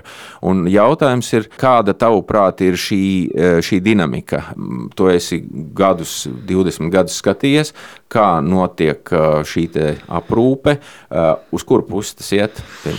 Es domāju, ka viņi stāv uz vietas šobrīd. Viņa kā bija 17 gadus atpakaļ, tā viņa arī ir šobrīd, kas ir slikti. Vai ir kaut kāda cerība, ka viņi izkustēsies uz, uz, uz laimīgo nu, pusi? Es gribētu būt ļoti optimistisks un cerēsim, ka viņa turpinās stagnēt. ar, ar, jo, jo, lai, Nē, nu, to, lai to izkustinātu, lai, lai apmēram saprastu kategorijas, ja tāds Nē, nu, atkal, mēs... vācu, vā, uz, uz vienu vācu pensionāru, cik Redz... reizes tiek vairāk tērēts naudas, lai, lai viņš to dabūtu. nevar salīdzināt. Nu, bet, Tas nu, ir nepareizi rēķināt naudu. Nu, labi, kā, jā, kā ir pareizi rēķināt? Es arī precīzi nepateikšu. Nu, bet tur jā. ir runa par 10, 20 reizēm. Redzi, sāksim ar to, jā. ko jau es pieminēju. Vācija jā. nav tas labākais piemērs, ar ko salīdzināt Latviju. Nu, es domāju, vai Lietuva vai Igaunija būtu plus mīnus tie parametri, uz kuriem mēs varētu ne, tas salīdzināt. Mums, tas mums nedod tāpēc, tāpēc, ka redzi, pirmām kārtām. Šī paša atbalsta sistēma vēsturiski ir veidojusies ilgāk, precīzāk, tā pašā Vācijā ir divu līmeņu apdrošināšana. Ja, bet mēs Jā. salīdzinām ar Vāciju nevis tāpēc, lai saprastu kaut kādus mūsu ciparus, bet tāpēc, lai saprastu, vai mums ir cerības baltās drēbēs staigāt pa Stokholmas vecpilsētu un fotografēt viņu pieminekļus pēc 20 vai 30 Protams. gadiem. Ir mums cerības, domā, kāpēc? Tāpēc, ka tā ir cerība. Cerēt jau tu vari. Nu, jā, Cerība jau ir. Redzi, nav jau varbūt arī tik, tik traki no tā, tā, tā tik pesimistiski jau nevar skatīties, jo es, es, es ticu vienām lietai, ka, pieņemsim, Latvijas pensija, nu, kas ir, viņiem jau tas viss balstās pensiju kapitālā. Jā. Šobrīd uh, Latvijā tā pensiju sistēma, manuprāt, ir pietiekoši objektīva un pietiekoši saprotama. Ja, un, un mums tas laiks ir jāpārdzīvo. Tas, ka uh, ne visi cilvēki par to atkal domā, par savām vecuma dienām. un, un nezinu, uz ko viņi cer. Ja? Jo šī, nu, atkal. Tu pats personīgi ceri uz savu pensiju, tav, tavos aprēķinos, tava uh, pensija, tu droši vien stādies priekšā, cik tas varētu būt. Nu, es tā, šo, šobrīd es stādos priekšā, cik lai... man varētu būt pensija. Ja? Uh, es, protams, arī mēģinu kaut ko iemaksāt tajā nu, trešajā līmenī. Ja? Un, un, un, un tad ir atkal, redziet, tas ir savstarpēji saistīts. Ja es būšu sev, nu, tas ir jautājums, cik man būs izdevumi pēc pēc, nu, kad iestāsies pensija. Ja, ja es būšu paspējis uzcelt māju, labu, kvalitatīvu, lētu. Jā, kur, nu, kur nepieder bankai. Kur nepieder bankai. Jo, ne, viņi arī nevar piederēt bankai. Man jau ir tas vecums, ka banka neko nedos. Jā, jā. jā nu, piedodiet. Tā, tā arī jau viena no pazīmēm, ka tu paliec interesants pats sev tikai. Jā. Tādā ikdienas dzīvē nu, pensija pietiks. Jā. Es nu, kā Man bažas rada cits. Vai to manu prognozējumu pensiju, kas man šobrīd nu, teiksim, apmierina, valsts būs spējīga izmaksāt? Pie tādas politikas kopējās, kas ir šobrīd. Jo tu jau pats teici, mēs skaidri zinām, ka es, mani nodokļi šodien tiek maksāti tavai mammai, vecai mammai, nu, un otrādi. Ja? Jautājums ir, vai Ot to, ko tu tur arī minēji. Un tas ir, tas ir tas, kas mums ir. Mums nav varbūt tik daudz jādomā, kā ir šodien. Nu, jo šodien ir šodien, vienmēr var būt labāk, uzlabot. Bet kā mēs darīsim parīt, pat ne rīt, kā mēs darīsim parīt. Ja? Un tas, man liekas, tas ir tas, par ko mums ir jāuztraucās. Nevis jāskatās, ko dara Vācija un jāsalīdzina. Ja? Jā, bet lai tā nebūtu tāda abstrakta saruna, vai piemēram tāds jautājums, cik cilvēkus, ku, pie kuriem ir jāiet uz mājām, ja, kuri nav savākti vienā vietā, pansionātā vai, vai, vai kā nu mēs to pareizi nosauksim, uz cik simtgalviem ir nepieciešams vismaz viens cilvēks, lai tur kaut cik kvalitatīvi kaut ko. Tas ir, tas ir atkal redzējums, tas būtu tā kā vidējā temperatūra slimnīcā. Nu, kā, kā šobrīd ir tā vidējā temperatūra slimnīcā? Dažādi. Nu, cik dažādi? Kādas ir robežas? Tā, ka, nu, es, es, Nu, labi, es varu mēģināt tagad izkalkulēt, jo es nekad to neesmu darījis. Ja mēs pieņemsim, ka ne, nu, man vienkārši interesē, vai uz Rīgā, 50 cilvēkiem ir viens vai uz 5. Ne, ne, Rīgā ir apmēram tā, 8000 aprūpas mājās pakalpojumu saņēmumu pakalpojumu veidā. Jo var saņemt arī pabalstu. Ja? Nu, vai 6, nu, labi, pie, nu, nu, 8000. Ja es pareizi atceros, tad aprūpas pakalpojumu sniedzēji kaut kad man teica, ka tie ir kaut kādi, viņi nodarbina pie 1200 aprūpētāju. Pa visiem kopā. Nu, tas skaidrs, ka tās, tas, tā, tā cilvēku attiecība nav viens pret desmit. Viņi nevar būt, viņi ir mazāki. Viņi ir mazāki. Stipri mazāki. Viņi ir stipri mazāki, jā, nu, un, un, un redzat, tas ir ļoti niansēti. Jā. Jo es, jo ir, ka es kā aprūpētājs eju pie viena cilvēka un viss.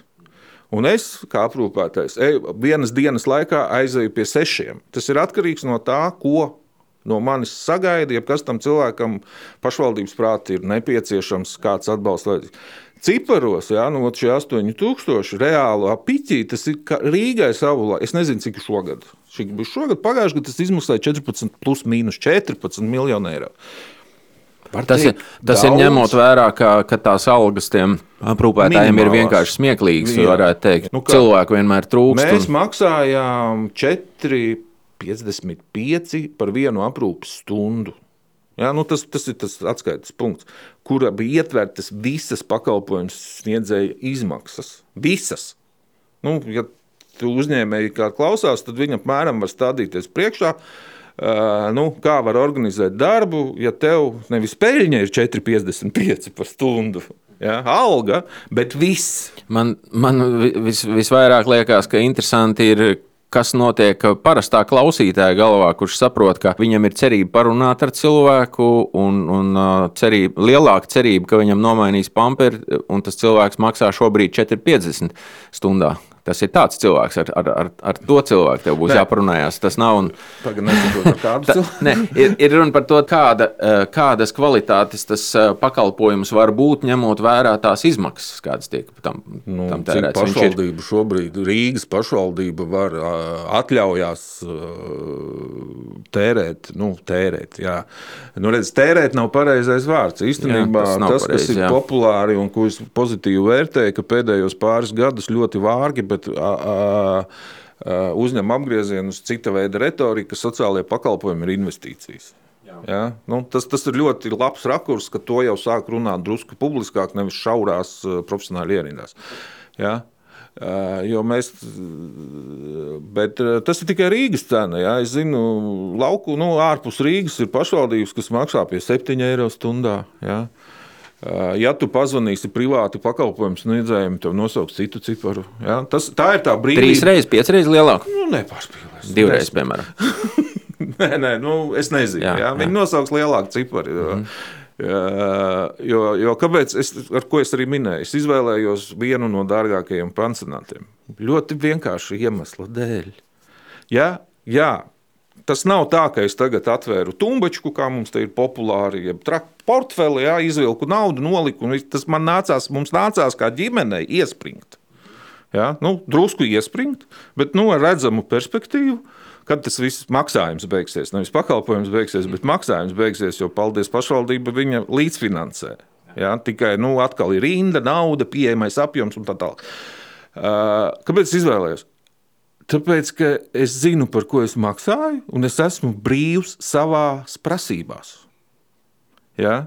Ja es aizietu uz pansionātu, kur ir 500 eiro par mēnesi, nevis 1250, ja? nu man būtu kauns. Kaut ko, es nesaprotu, kā viņiem nav kauns tik maz prasīt. Ja? Bet man būtu kauns kaut ko, nu, nu, tas būtu mans paša diskomforts. Nu, varbūt es tāds jocīgs. Ja? Bet man vajag skaidri zināt, Re, kur ir nauda, re, kur ir produkts. Jo kas notiek lētajos, lētajos notiek, nu jā, 500, labi, ok, ļoti labi, 500 eiro, nu, lieliski, nu, kas, nu, plus vēl pensija, noņemam no cilvēka pensiju, tad nu, man tur 200 jāsamaksā. Ja? Pēc tam tev sākās, paga, paga, kur ir pamperi, tabletes, zāles.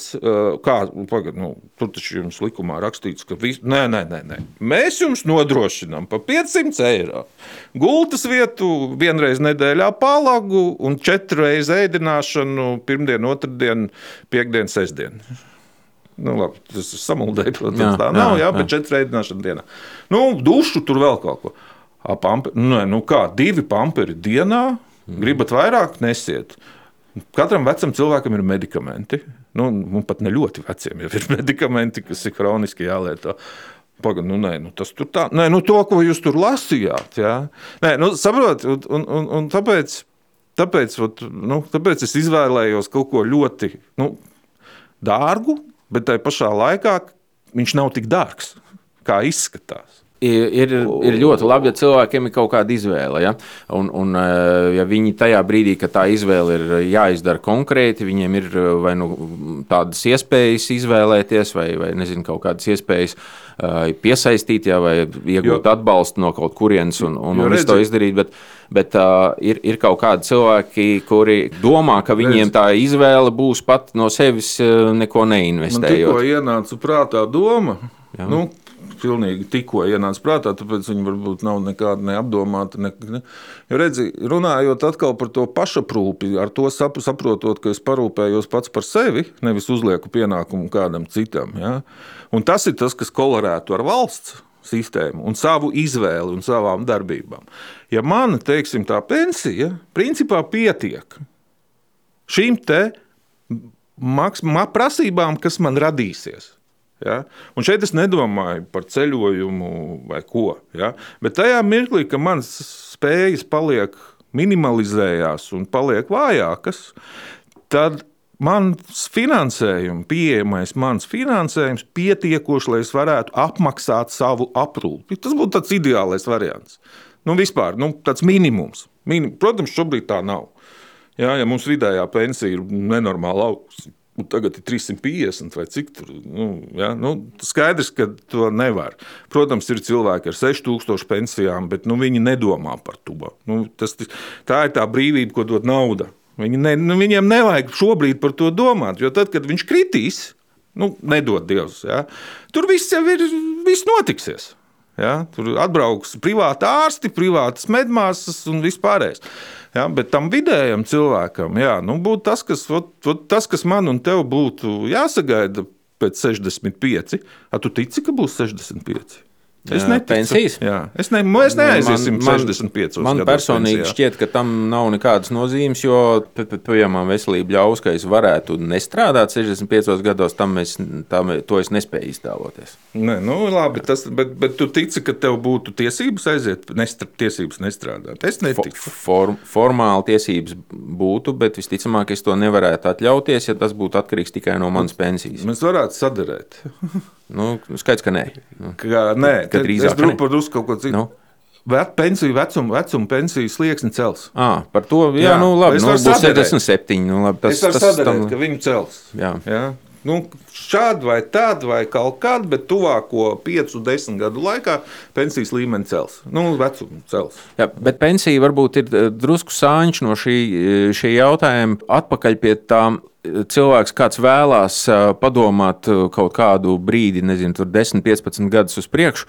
Es neceru, ka kāds to klausoties, domās tur 40 gadus uz priekšu, bet nu, 10, 15 varētu būt varbūt reāli. Tad, lai iztēlotos, eh, kāda ir tā dinamika, uz ko mēs varam cerēt, vai situācija ir pamats eh, ļoti uzlaboties, un, un pēc 10, 15 gadiem vecie cilvēki saņems personīgāku, ar, ar cilvēka klātbūtni, labākas kvalitātes eh, aprūpas pakalpojumu, man šķiet, ka nav nekāda pamata uz to Nē, cerēt. nē, nu, to jau es tev teicu, ka es ļoti cenšos būt ļoti optimistisks savā prognozēs un teikt, ka mēs turpināsim stagnēt tādā līmenī, kāda ir šobrīd. Ja? Jo nav jau uh, racionāli skatoties, un šeit nav nekāda sakara ar tradīcijām. Nu, mēs nemainīsim dzīves uh, ziņu 15 gadu laikā. Ja? Mēs nema, neesam tik elastīgi, lai to mainītu. Un no šī institu, nu, institucionālā tas nav domāts, kā, nu, ka mēs ceram, ka kāds par mums rūpēsies, atgriezties pie tā, ka mani bērni par mani rūpēsies. Bet varbūt Jā. tas ir racionālākais veids, kā domāt par šo lietu. 10, 15 gadu lai arī vēl laiks. Jā, nu, bet šeit, šeit es ielieku to jēgu, ka es dzīvošu pagrabā. Nevis viņi apmaksās man pie, nepieciešamos pakalpojumus. Ja? Tas ir tāds, nu, kad viņi ziedosies savā ziņā, jā, jo viņi nes, ne, viņiem nebūs vairs iespēja nopelnīt savai iztikai un vēl manai aprūpei. Līdz ar to viņi atrocīs piedurknes un, un, un slaucīs man pakaļ. Ja? Nu, tas ir tas, tas, tas underground variants, kuru es negribētu piedzīvot. Ja? Iespējams, nav, tu nav, man nav, man, es nevaru Bet būt ja... optimistisks. Es, es domāju, ka varbūt tas formulējums nevis par to, ka mēs varbūt negribētu to piedzīvot, eh, bet ka var izrādīties, ka pēkšņi šī atgriešanās pie, tradicionālā, pie tradicionālās dzīvošanas pagrabā un uz, uz savu eh, jaunāko radinieku rēķina ir eh, beig beigās var izrādīties visracionālākā izvēle. Jā, tā, tā būs vienīgā. Bet redzi, vienkārši paskatāmies uz šo te ļoti labi varētu raksturot. Redz, mēs nekad neesam tādu statistiku vākuši, vai es arī neatceros, ka būtu vākuši. Eh, Bet mēs ļoti, ļoti paralēli varam novilkt ar veselības aprūpi, nu, par kuru šobrīd visi skandē. Ja? Vidējais ārstu vecums, vidējais medmāsu vecums, pieplūdums. Ja? Šeit jau vairs nav runa par to, vai ir vai nav nauda, bet nav cilvēka. Ja? Un jau vēl uz tā virsma uzklājās krīze. Uh, okay, krīzes Iedomājies? nāk, krīzes aiziet. Oi, ja? bet izskatās, jā, ka viņas nāk ar vien uh, lielāks un nopietnāks. ar aprūpi, vecu cilvēku aprūpi, tīri no tāda nu, pakalpojumu sniegšanas viedokļa, tā statistika visdrīzāk būtu ļoti, ļoti līdzīga. Ja? Tas ir vidējais vecums pēc 40, nu, nu, minimālais vecums no 40 uz augšu. Cilvēki, nu, Dievs dod, lai viņi neapvainojās. Ja? Es varu kļūdīties, bet tas nav ā, maģistra grāts da- raķešu zinātnē. Ja? Tas ir tāds. Un, un šobrīd ā, pēdējais, nu, es nezinu, cik to nopietni teica, bet. Uh, kaut- Es, es par savu dienestu, nu, kurā es vairs nestrādāju, bet nu, tas saites jau paliek, un tā sirds jau tur ir kaut kāda daļa palikusi. Ja? Un tad, kad iznāca Lidls ar savu piedāvājumu 6 eiro stundā, es ātri paskaitīju, cik šobrīd man saņem, nu, saņēma mani kolēģi, sociālie darbinieki ar augstāko izglītību, ar četru gadu mācībām, ar nepārtrauktām prasībām, mazāk. Saprot? Un, un es pieļauju, un, un ja mēs runājam par aprūpētājiem, ja, es atkal vienkāršoju, nu, burciņas likt plauktos, vienkārši likt plauktos burciņas. Ja. Un uz tevīm neviens pa lielam nekliedz, tevi neviens nepamana. Nu, tu tur staigā, tev iedod formu. Jā, tev varbūt pat iedot pusdienas, nu, tur noteikti katram tīklam ir kaut kas savādāks. Jā. Nu, un, un kāpēc tev to? Pasaki man, kāpēc tev vajag saņemt mazāk, darīt vairāk un vēl nepārtraukti par kaut ko taisnoties? Nu, no cilvēka dabas viedokļa. Es domāju, ka tas ir, ka tas ir neizskaidrojami. Un, um, Jā, un, un... Ir, ir kaut kāda daļa, kas to dara, nu, kā māte Terēza, nu, savas ticības, pārliecības un vēl kaut kādas dēļ. Jā. Bet nu, viena daļa nu, vienkārši viena daļa to dara, ka tāpēc, ka kaut kur citur nu, nav konkurēt. Nu, Nu, es savējam arī kaut kad, kad viņi man te teica, mums ir, maz, mums ir mazas algas. Es piekrītu, bet aizēj sevi pārdot par lielāku algu. Nu, nu, Īstenībā kaut kādā mērā prostitūts.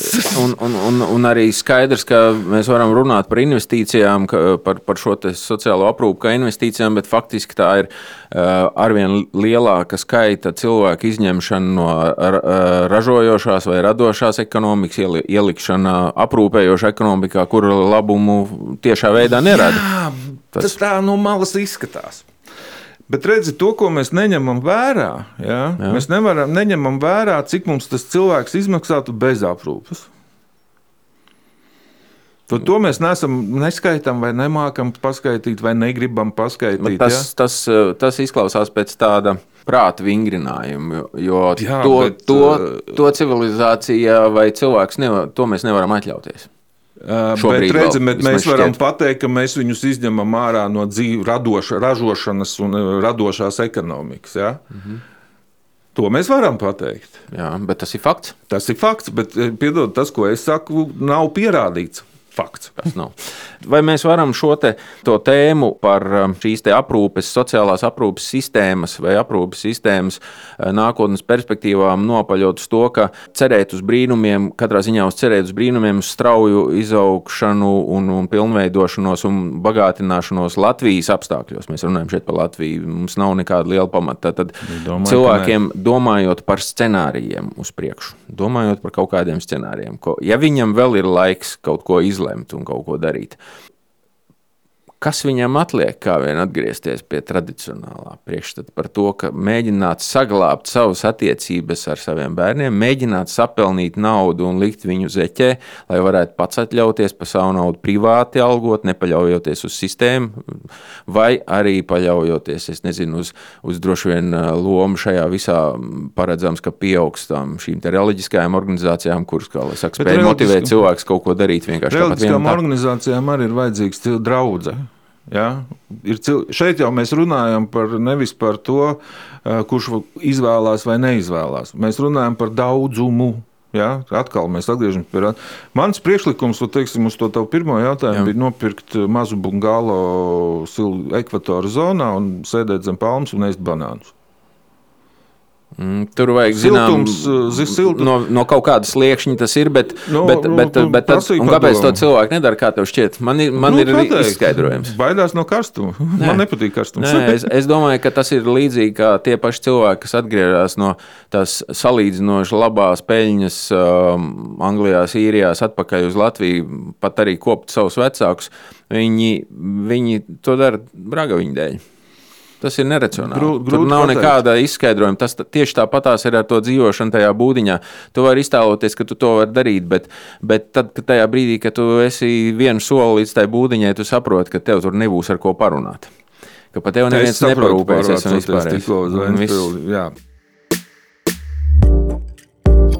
Mēs turpinām sarunu. Tu turpini klausīties skeptisko podkāstu Kancele. Bet, bet protams, nu, es, es, ja tā mēģinu atkal nopietni, man nav īsti, man nav ko īsti pateikt. Ja? Jo tas, ko ja mēs atkal mēģinām saprast no, no vispārējā, nu, valsts mums it kā garantē kaut kādu minimālo grozu, nu, to pašu sociālo apdrošināšanu. Ja. Ir skaidrs, ka ja šodien to, ko tev garantē šodien, nenozīmē, ka tu saņemsi rīt. Ja? Nu, tas ir skaidrs. Tas, ko mēs redzam, ka no, cil, mēs novecojam. Ja, mēs paliekam vairāk vecu cilvēku, vecu cilvēki vecumā ar dažādām dzīves kvalitātēm, paliek vairāk. Te atkal, protams, varētu paskatīties invaliditātes datus par vecuma grupām. Kā Tur ir dinamika, to es neesmu sen darījis. Ja? Un, un, un es pieļauju arī, ka, ja mēs runājam tikai par vecumu, ir diezgan daudz arī nu, tādā 30, 40 gadu griezumā, tā dinamika, invaliditāte, pieaugums, nu, man liekas, arī ir. Ja? Nu, tas vēl tikai to problēmu tas, tas vēl, vēl tikai vēl padziļina. Jā, tas padziļina. vēl tikai padziļina. Ja? Uh, jo tas, ko, tas, tas, kas ir skaidrs, mums nebūs rokas. Mums nebūs kas to dara. Man var būt nauda, bet man nebūs kas to dara. Tāpēc, ka atkal, drus, nu, atkal pateikšu, nevienu jaunietu negribu aizvainot, ja, bet viņš izvēlēsies Instagram, viņš izvēlēsies, nezinu, tur, tur, tur datoru, viņš būs par inženieri, viņš būs par ķīmiķi, viņš būs viss kas. Ja? Tikai ne par augli. Viņš uzskatīs, ka viņš Jā. rada kaut ko, maksā nodokļus, un kādam citam tas ir jādara. Jā, un, bet un, un... to, ka nebūs reāli Nu, ja viss paliks tā kā šobrīd, ja, nebūs reāli, vot, kas atloka piedurknes, pieiet pie tevis, noglāsta galvu, vot, tur ir tā bēda. Tur jau ir tas lielākais risks. Ja. Kur viņus ņemt? Protams, mēs nevaram 15 gados saražot, sadzemdināt bērnus, jeb pār, nu, speciāli šim mērķim. Ja? Iezombēt. Nu, visādas jau akpoliki, visādas filmas jau tagad ir safilmētas ja, par visu, ko. Nu, tas nenotiks tuvākajos 10, 15 gados. Kaut gan nu, Žils Verns par mēnesi uzrakstīja Nu, viss jau kaut kā nu, ja? uzrakstīt, jau nav grūti. Kā to, kā to risināt? Ja? Nu, tas ir atkal, protams, es varu dot lielus, nu, gudrus padomus un, un, un, un, un, un teikt, ka kā to visu darīt. Nu, manuprāt, pirmais, par ko ir jāpārkāp pāri, nu, pirmais, par ko vispār ir jāsāk diskutēt, kur šīs rokas ņemt. Ja tu tagad tādā tā kā valsts um, mēģini tajā racionālajā pusē tos risinājumus meklēt. Nē, un, un, nē. Nu, tad, tad, tas varbūt tā izklausās, bet, bet saprot, nu, arī individuālā līmenī, kur tu ņemsi tās rokas, ja viņu nav. Um, individuālā, pats, individuālā pats līmenī darīs. tu paskaties, vai tev ir tie bērni. Tās rokas ir tavi bērni. Nu, redzi, tas ir pretrunā ar manu šī brīža noskaņojumu. Jā, nu, jā? Jā, es tas... kaut kā laikam zemapziņā slēdzu tos bērnus ārā. Jā? Jā. Es skatos uz trešām personām. Ja? Es skatos vairāk, varbūt augstprātīgi pats uz savām spējām, kaut gan mēs neviens nezinām, kas ar mani nu, būs pēc desmit minūtēm. Ja? Kā jau te arī viss, kas ir dzīvē pieredzēts. Ja? Uh, nu, nezinu, saprot, Juri, tomēr laiki mainās. Es skatos uz savu tīni, ja, un es mēģinu atcerēties savu tīņainību.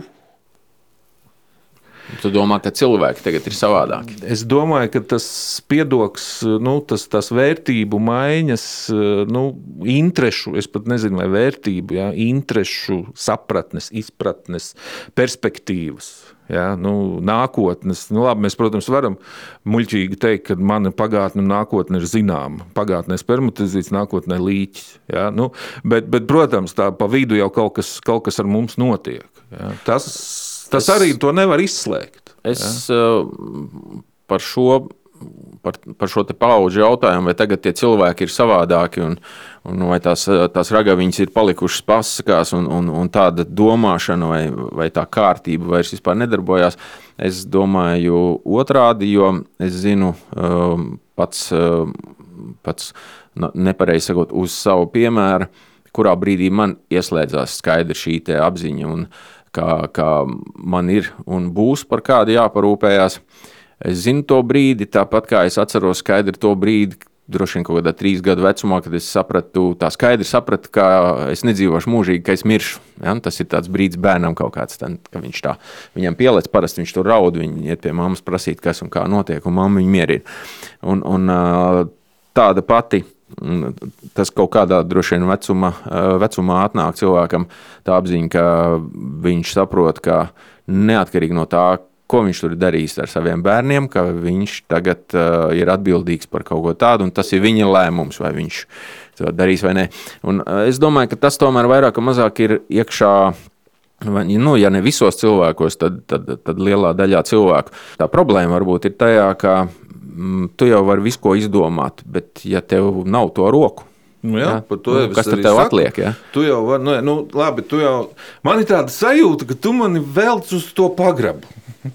Un es visu laiku pretojos. Es, ne, es, gribu, es, gribu saprast, es gribu saprast, vai, vai, man ir, vai mana sajūta nemelo, ka ir jārēķinās, ka ir jāvelk uz to pagrabu. Tā ir tai jābūt pirmajai izvēlei. Un tikai pēc tam ir jāsāk domāt par to, par, par to ko es nekontrolēju, par citiem cilvēkiem ārpusē, par sevi kā nodokļu maksātāju un sabiedrību, kur ir uzbūvējusi vai nav uzbūvējusi.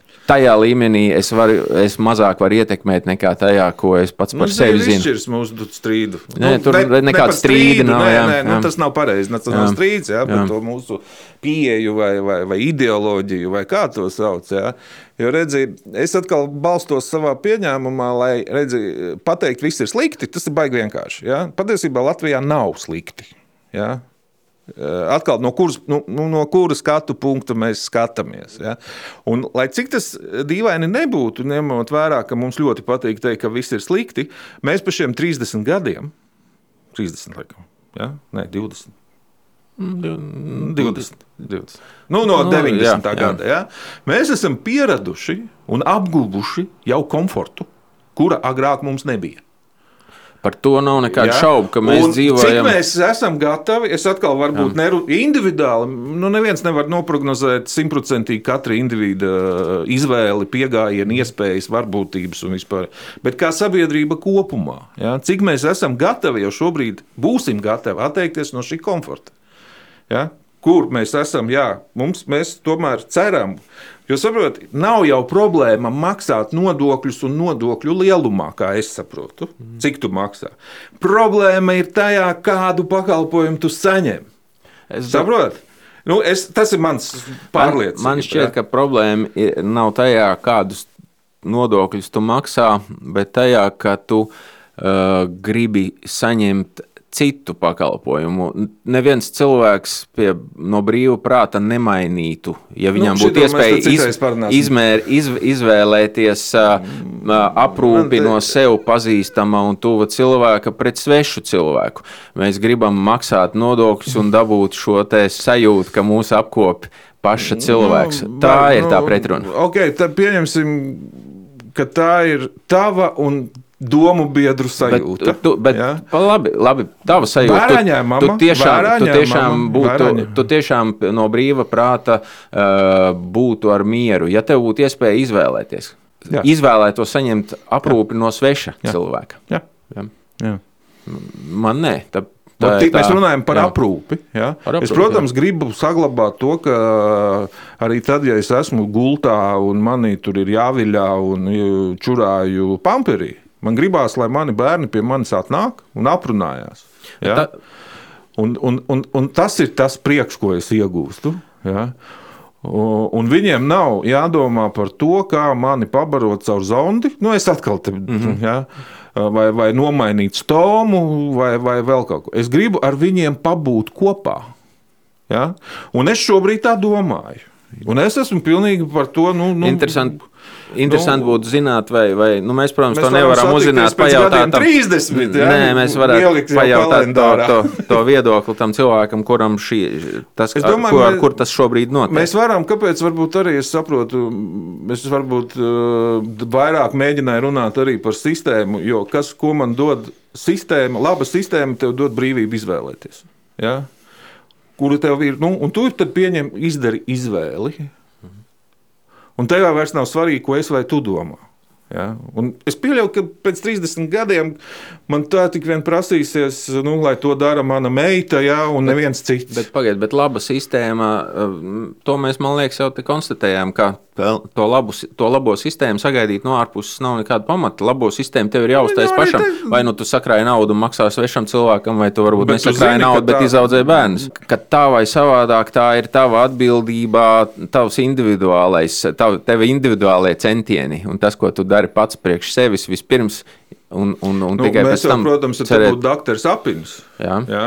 Viņam jau būtu vēl viena, es pieļauju, teorija jā, par to, kā tu savu dzīvi dzīvo. Vai tu pīpē, vai tu lieto alkoholu, vai tu nodarbojies ar sportu. Un cik gados, Tas- tas, cik gados tu pats sevi esi novedis līdz tam, ka Tas tev viss- tāda izvēle jāiet. tas viss ir kopsakarā. audzināšanā. Tas viss ir kopsakarā. Jā. Jā. Jā. Bet atgriežoties atkal, man ļoti gribās to pateikt. Jā. Jā. Jā. Kāpēc, kāpēc es gribētu svešu? Nu, mm -hmm. nu, atkal, Labi, labi, labi. Uh, bet, ja gribi, tur var saklausīt arī nopietnas lietas. Nu, bet tu iedomājies, tev ir gadi 75, nu 80. Jā. Jā. Tev viss tava aktīvā dzīve, principā, jau ir beigusies visādos veidos. Sabiedriska, dzimuma, personiska, rimtri. Un tad pie tevis reizi katru dienu atnāk smuka, jauna māsiņa. Nu, redz, tu sāki svaidīt. Nevis tavs dēls jā, ar nogurušām acīm. Nu, Pagaidām, nu, varam to visu pagriezt arī tā. Jā, un, un tas, kas tur slikts? Kāpēc man patīk, kāpēc es šobrīd fantāzēju? Jo, redziet, es varu, varu runāt visu, ko šobrīd es varu runāt pilnīgi da jebko, kas man ienāk prātā.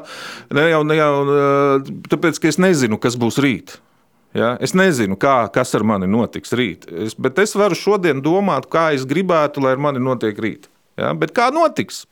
Dievs, nu, to es nezinu, ko es teikšu pēc 20 gadiem. Ja? Uh, bet, un ko es darīšu pēc 20 gadiem? Cerams, ka vēl dzīvošu 20 gadus. Bet kāpēc pansionāts? Pansionātā, saprotiet, viens no vecuma lietām ir vientulība.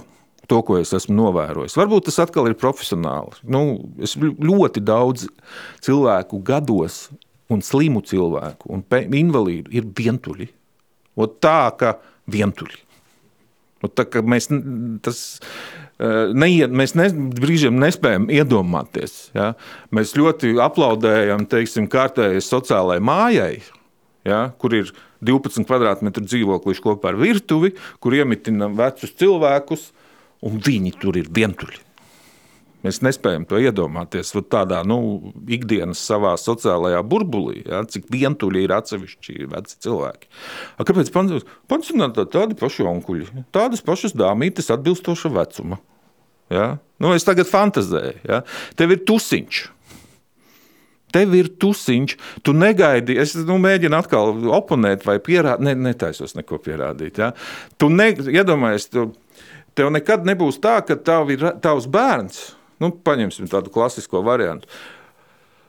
Tu gribi teikt, ka viņš, lai par tevi parūpētos tādā apjomā, kā būs nepieciešams, lai viņš iet prom no darba? Nu, ja viņam būs darbs tajā mirklī. Viņš aizies uz darbu, viņš, viņam astoņos sākās darbs, pieņems. Nu, deviņ, pusdeviņos jāaizved bērnu uz skolu. Ja tevis tur nebūtu, viņš celtos puses astoņos. Ņemot vērā, ka tu pa nakti būsi nošmulējies un tev gribēsies ēst, viņam ir jāceļās vēl stundu ātrāk. Ja? Tu visu dienu būsi viens. Jo viņi visi būs skolā, viņi visi būs kaut kur. Viņiem, nu, tas ir pie tā, ka viņi turpina aļā normālo dzīvi. Nu, pieņemsim, ja? Tad viņš nabaks, atnāks mājās, viņam būs sajātas smadzenes darbā. Viņam vēl pa vidu būs pazvanījuši no skolas direktora, ka dēls ir izsitis stiklu. Viņš par to vēl būs. No, un tagad tu tur viss skaistais. Ja? Jo tu visu dienu esi bijis viens pats. Tas... Tagad, ja tu prasi, nu, nu, sap, nu, es varu neturpināt. Man liekas, Jā, pēc tam sejas izskatot, tu sāk aizdomāties. Nu, es neuz, nesaku, ka tas ir nepareizi. Ja? Bet redzi, tas, ko es varbūt esmu novērojis šobrīd pēdējos divus gadus, ja? un ko man uzlika tādu ķirsi uz manas novērojuma tortes, tā social dilemma, tā filma. Nu, dokum, nu, tāda, ja? uh, mēs ļoti labi, ka vispār mēs šitā varam parunāt nepiekrist viens otram. Ja? Tā ir labākā diena manā mūžā. Ka var ar kādu nepiekrist, un kurš tev nepasaka, ne, nenobloķē Twitterī. Ja? Nu, es zaudēju nevainību Twitterī. Man ir nobloķēta. Nu, nenobloķēja. Kā tur ir? Ja?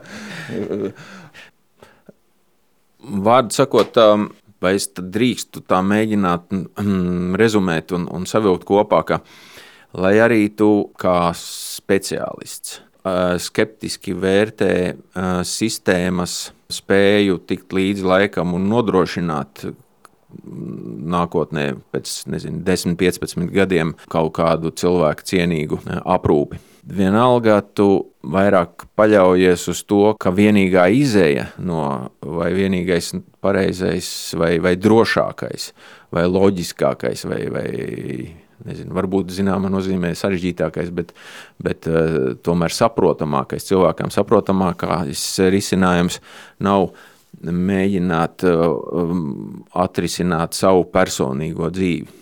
Pat tu nevis Nē, mēģini, mēģini teiktu, paļauties. Ka, ka tieši otrādi atrisināt savu personisko dzīvi. Sakrāt naudu tavā gadījumā. Jā, nu, kad, jā, nu, protams, atkal klausoties to jautājumu, ienāca prātā unikālā nu, tablete. Atceries, kāpēc mums vajag trešās sievas paņemt par lat latvietas? Atceries, nu, tas zina to anekdoti, jā. jā. Nu, tas sevi ietver to, ka, jā, kad nu, vajag trešo sievu, vajag latvieti. nu, tad viņi par tevi aizvedīs cieņpilni līdz kāpiņiem. Vēlams gadus 20 jaunāku. lai pietiek spēka. tas, ja? tas varētu būt labs, jo pilnīgi skaidrs, ka mēs um, šo jautājumu ar, ar vienu sarunu podkāstā neatrisināsim. Es, jā, es izlaidīšu mēģinājumu kaut kā savilkt kopā to sarunu kaut kādā vienā vai divos teikumos vai tēzēs. Es tev palūkšu izstāstīt mūsu klausītājiem šo anekdoti no sākuma līdz beigām. Oi, es neatceros pirmos trīs. Pirmās, jā, bija, bija, bija viena. Bija, ne, pirmo, pirmo sievu. Vispār vīrietim vajag trīs sievas. Pirmā sievai jābūt ukrainietei. Nu, tās tādas attraktīvas, skaistas, ugunīgas un, un, un seksuālas, un viss tavā dzīvē būs labi. Otro, otro sievu vajag uh, ebrejieti. Nu, tāpēc, ka tur ir dziļas ģimenes tradīcijas, māca nu, noturēt naudu, viss tev būs labi, tu sasniegs liels panākumus. Un trešo vajag latvieti pēdējā dzīves posmā, vajag trešo sievu Latviju. Tad kāds sakars ar Latviju? Viņa labi kopja kapiņas. Ja? Nu, tad uz šīs nots arī pabeigsim sarunu. Iespējams, kādreiz vēl turpināsim. Labi. Paldies tev. Nu, Paldies par tev par sarunu un, un, un iespējams tiksimies. Tu man ļoti labi mācēji arī samulsināt. Liki padomāt par pārliecību manu tvaru drusku. Tu par mani arī. drusku, drusku tā kā, jā, nezinu, teikt, nevis iedragāja, bet kā lai pieklājīgi. Nu, ne pieklājīgi, bet kā lai tā pārējais pazūd. Nu, Saka, nepieklājīgi, mums nav. Nē, jā. nu, ir, ir, ir lietas, jā, par kurām nu, vien, nu, tāda, tāda pārliecība, tu domā, un es taču visu zinu, jā, bet ok, ir arī kaut kas savādāks. Bet ļoti labi, ka vispār par vecumdienām kāds sāk runāt. Tas ir labi. Pēdējais laiks man sāk runāt. nu, to es arī gribēju vienreiz pajautāt, nu, bet kaut kā sakautrējos. Vai tu gribi vēl pēc podkāsta ar mani parunāt? labi. Paldies, labi, tev. paldies jā, tev. Jā. Paldies, ļoti jauki, man patika. Tu tikko noklausījies interviju, un es lūdzu tavu vērtējumu. Ja tu pamanīji aplamības vai nepiekrīti runātājam, raksti savu komentāru. Es apsolu, ka to izlasīšu un tev atbildēšu. Bet, ja dzirdētais šķita interesants vai noderīgs, un ierakstu var ieteikt citiem, nospied laiku, patīk, share vai dalies, tā tu palīdzi man turpināt podkāstu. Paldies un uz sadzirdēšanos!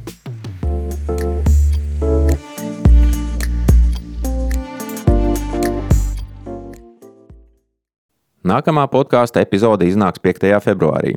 Epizodes tēma - es meklēju zolīti internetā, sporta turnīros un sentimentālās atmiņās. Ieskatām fragment no intervijas. Man šķiet, ka dažus gadus atpakaļ arī kāda entuziasta grupa uh, centās savākt 10,000 balsis, lai zolīti iekļautu kā man šķiet, ka fakultatīvo vai kādu pulciņu tieši pamatskolās laikam bija ar eh, tieši šo pašu mērķi, lai asinātu prātu, loģisko domāšanu, skaitīšanu. Jā, tā nav nemaz mana ideja, tad to kāds jau cits bija izdomājis. Tas bija aizsācis. Tas nosapņojis. Tiesa, diemžēl eh, šīs desmit tūkstoši balss netika savāktas. Ne, nepateikšu, cik bija, bet eh, diezgan pamats bija savākts. Um, kas zina, varbūt ideja atkal atgriezīsies un varbūt citādākā veidolā izdosies to realizēt, bet doma bija laba. Tas varētu būt tas, eh, kur tas UNESCO vai kāds cits mantojums varētu palīdzēt. Ja mēs varētu pasniegt eh, valstī vai, vai, tā, vai, vai varēja to iepakot kā nevis kaut kādu eh, tur, nezinu, naudas spēli, bet kā, kā prāta spēli. apakšuzdevums. UNESCO tā tad, tāpēc ka tā kā ar spēli fakultatīvu skolā, nu, tas būtu utopija šodien, bet tā būtu pavisam cita pieeja. Jo brīdžu pulciņi taču ir vairāk. Brīdžu pulciņi ir un kāpēc zolītes ne? nav. Brīdžu tāpat var uz, uz naudas spēlēt, var nespēlēt. un Tieši tas pats ar zolīti. Mums ir ļoti labs piemērs, kam sekot un uz ko tiekties, jo faktiski apstākļi ir ļoti līdzīgi. Tas bija fragments no nākamās podkāstu epizodes. Sarunas turpinās.